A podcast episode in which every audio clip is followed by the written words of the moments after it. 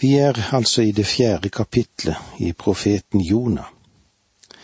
Og dette kapitlet markerer en æra i utviklingen av det hebraiske folks syn på andre folkeslag.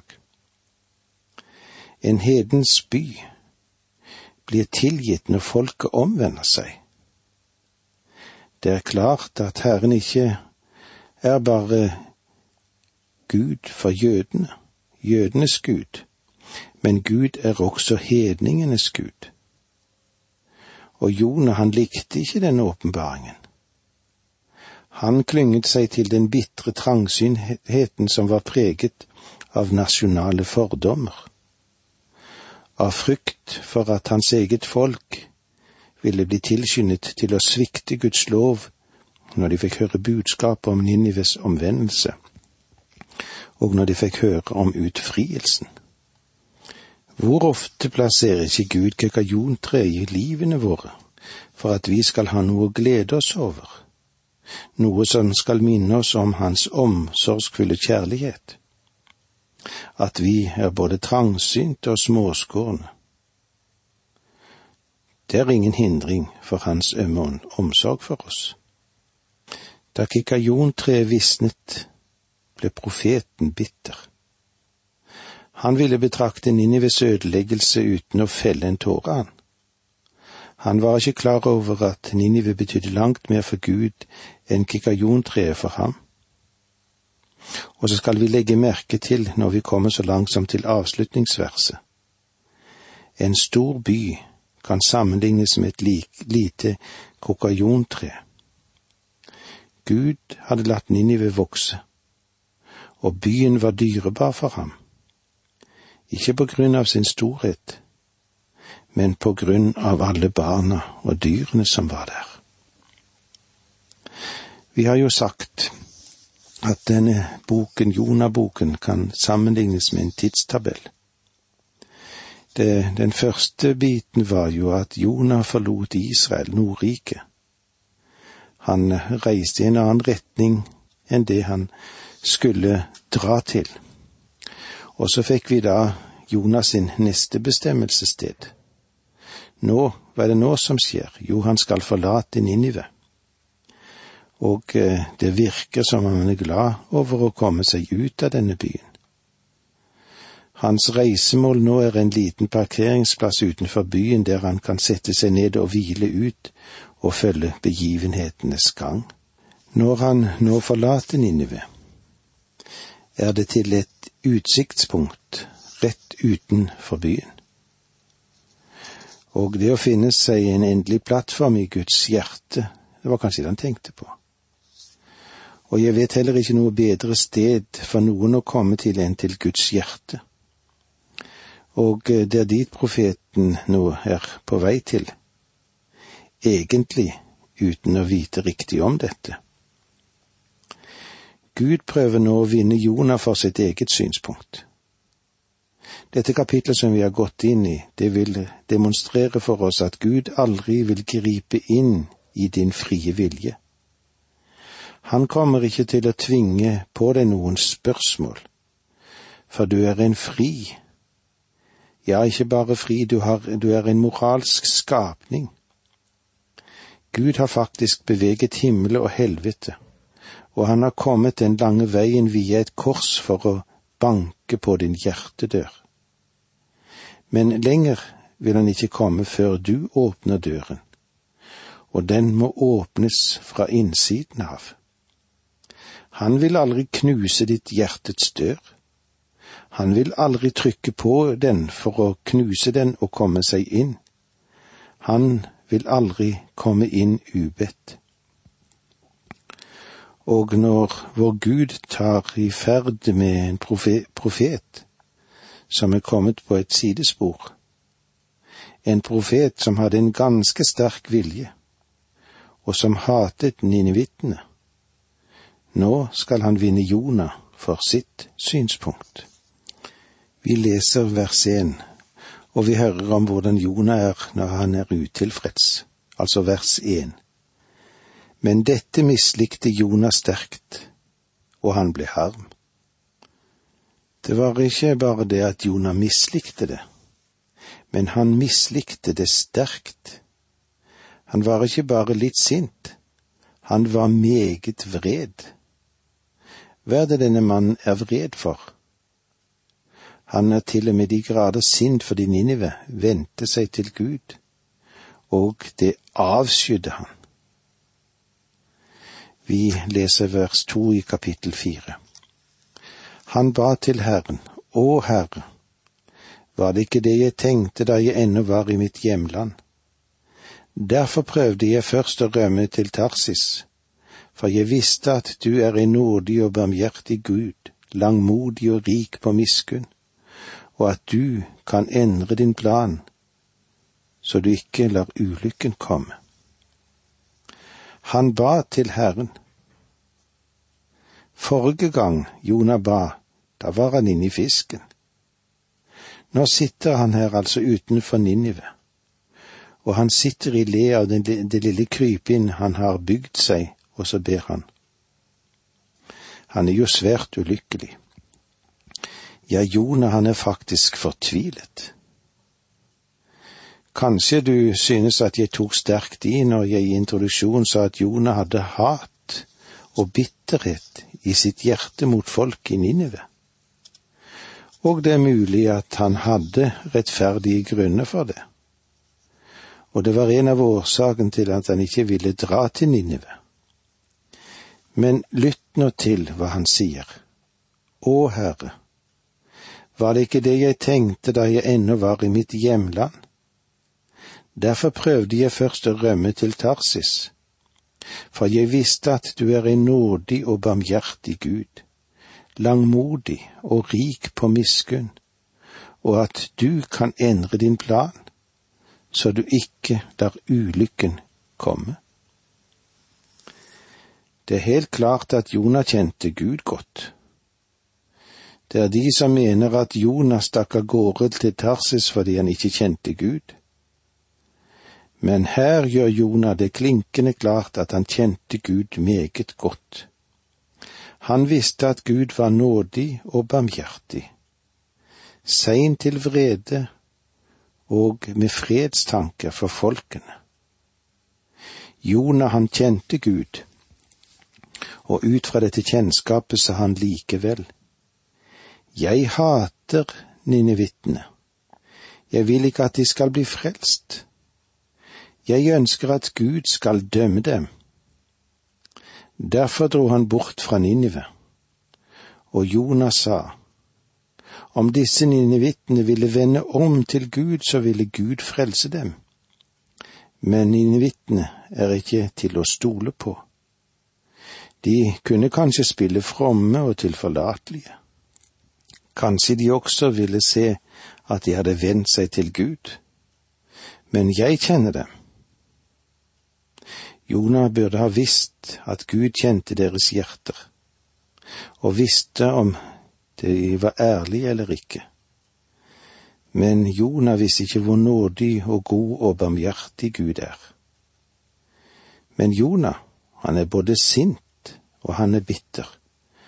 Hør nå i vers tre. Men nå, Herre, ta mitt liv, for jeg vil heller dø enn leve. To av de store profetene i Skriften sa det samme, at de ønsket at Gud skulle ta deres liv. Med andre ord så var de på randen til selvmord.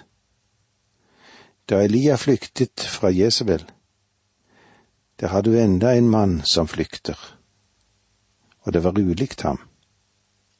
Han dro hele veien til Bersheba, som var begynnelsen på oppstigningen til Sina i fjellkjeden. Elia, han etterlot sin tjener der, og fortsatte å gå så lenge han kunne. Men da han holdt på å segne om av tretthet, så krøp han under en gyvelbusk og sa, Herre, la meg dø. Vi vil komme mer tilbake til dette når vi møtes igjen neste gang. Takk for nå, må Gud være med deg. Dette undervisningsprogrammet består av to deler. Åge Nevland fortsetter nå med andre del av dagens undervisning. Vi er i profeten Jonah. Denne mektige boken som òg viser hvordan mennesker og profeter kan være, og hvordan Gud virker. Jonah, han protesterte mot Herren. Profeten, han var skuffet, og han var mismodig. Og det underlige er at profeten går i rette med Gud fordi han handlet annerledes enn det han sjøl hadde tenkt at Gud skulle handle. Det finnes ikke noe tegn på at Jonah sin omvendelse var uekte. For også etter å ha tjent Gud i sannhet, kan både mismot og vrange tanker komme. Herren han bruker både gode og vonde hendelser for å lære profeten å kjenne hans vilje. Veksten av den kommer nok av spesielle inngrep fra Gud, og eh, det er godt å vite. Vi leser nå sammen vers tre i det fjerde kapitlet i Jonaboken. Men nå, Herre, ta mitt liv for jeg vil heller dø enn leve. Ja, skal vi lese det en gang til? Men nå, Herre, ta mitt liv, for jeg vil heller dø enn leve. Det er eh, to store profeter i Det gamle testamentet som sier noe av det samme. De ønsket at Gud skulle ta livet deres. Og hva forteller dette? Jo, de var på randen til å ta sitt eget liv. Da Elia flyktet fra Jesabel, ja, der har du en annen mann som flykter. Og det var jo ulikt Elia det å flykte. Han dro hele veien til Bersheba, som var begynnelsen på oppstigningen til Sinai-fjellkjeden. Og Elia, hva gjorde han? Jo, han etterlot sin tjener der, og så fortsatte han å gå så langt han bare kunne.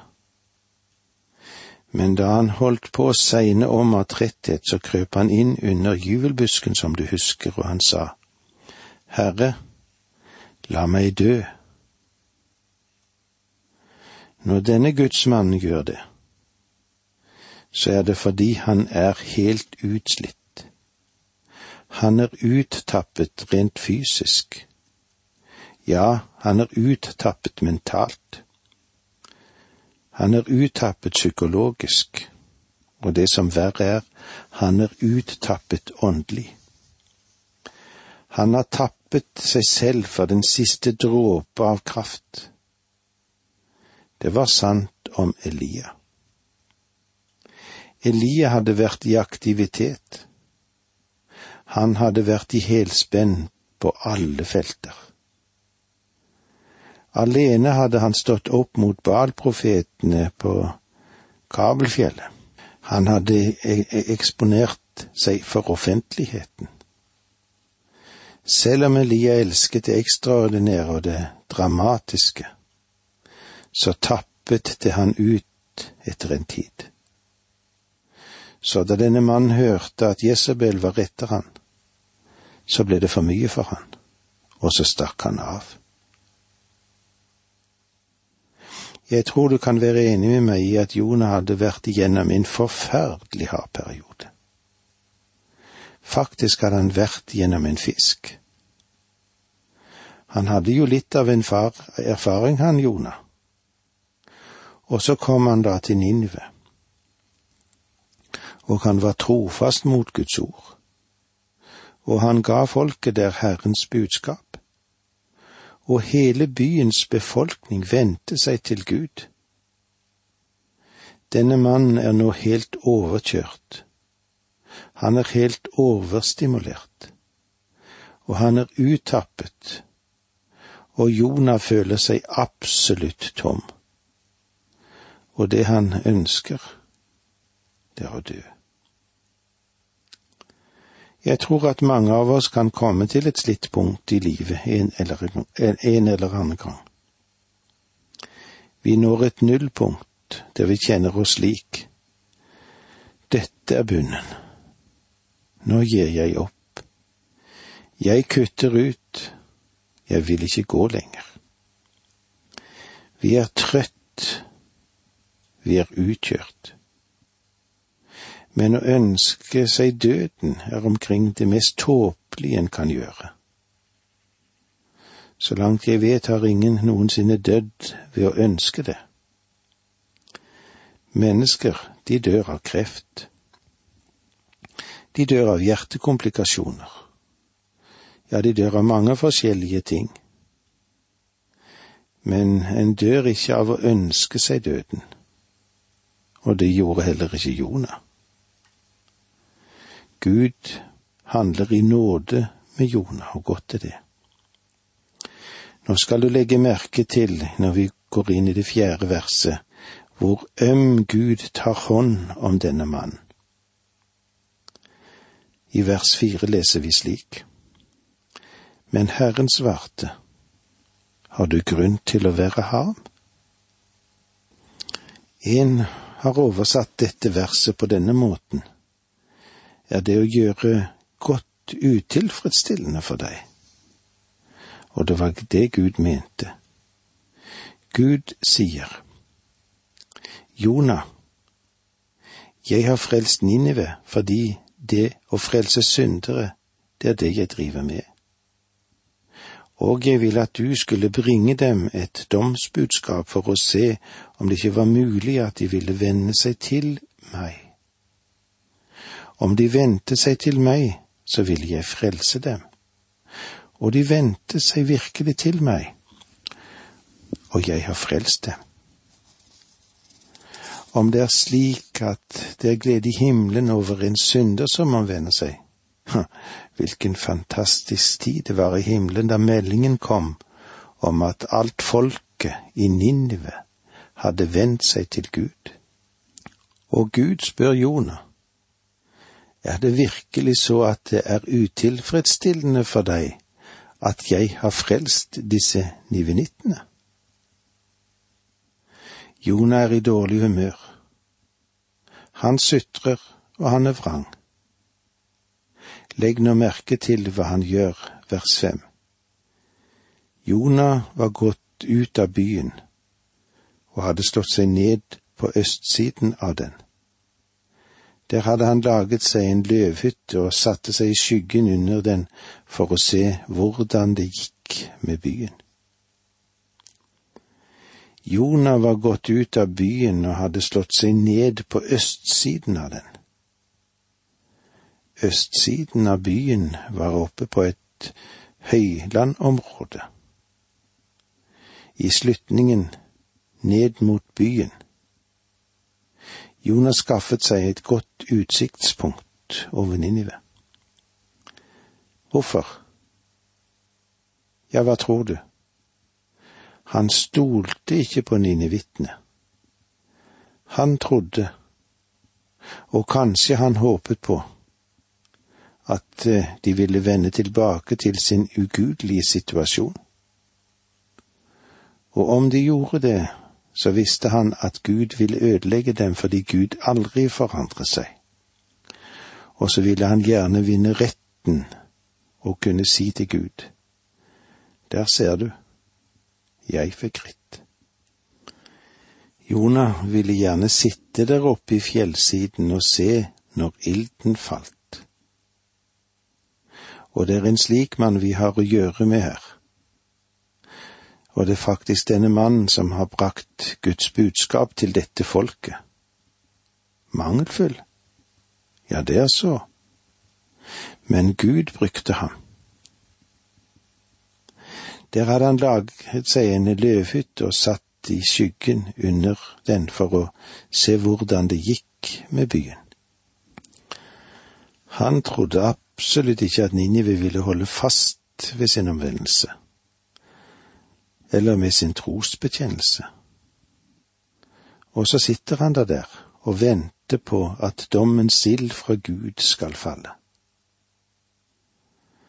Men nå kommer Gud til å trenge seg inn i denne Jona, og han vil personlig ta hånd om han. Og nå får vi et svar her på spørsmålet som ofte blir stilt. Må du elske mennesker før du kan bringe Guds ord til dem? Må du elske et folk før du kan være en misjonær for dem? Jonah kan være et godt eksempel i denne sammenheng, for det er i alle fall én ting som er klart. Jonah elsket ikke folket i Ninive. Vers seks Da lot Herren Gud en risinusbusk vokse opp over Jonah og kaste skygge over hans hode for å fri ham fra mismot. Jonah hadde stor glede av resinusbusken. Herren lot en resinusbusk vokse opp. Ser vi den gamle oversettelsen, står det et kikajontre. Men uh, nå vil jeg at du skal legge merke til dette. Denne resinusbusken var planlagt på samme måte som Gud hadde forberedt fisken. Og hvis det er slik at du ikke tror på fisken, så bør du heller ikke tro på denne lille busken. Jeg tror på begge deler. Det var så langt vi kom i dag. Takk for nå må Gud være med deg.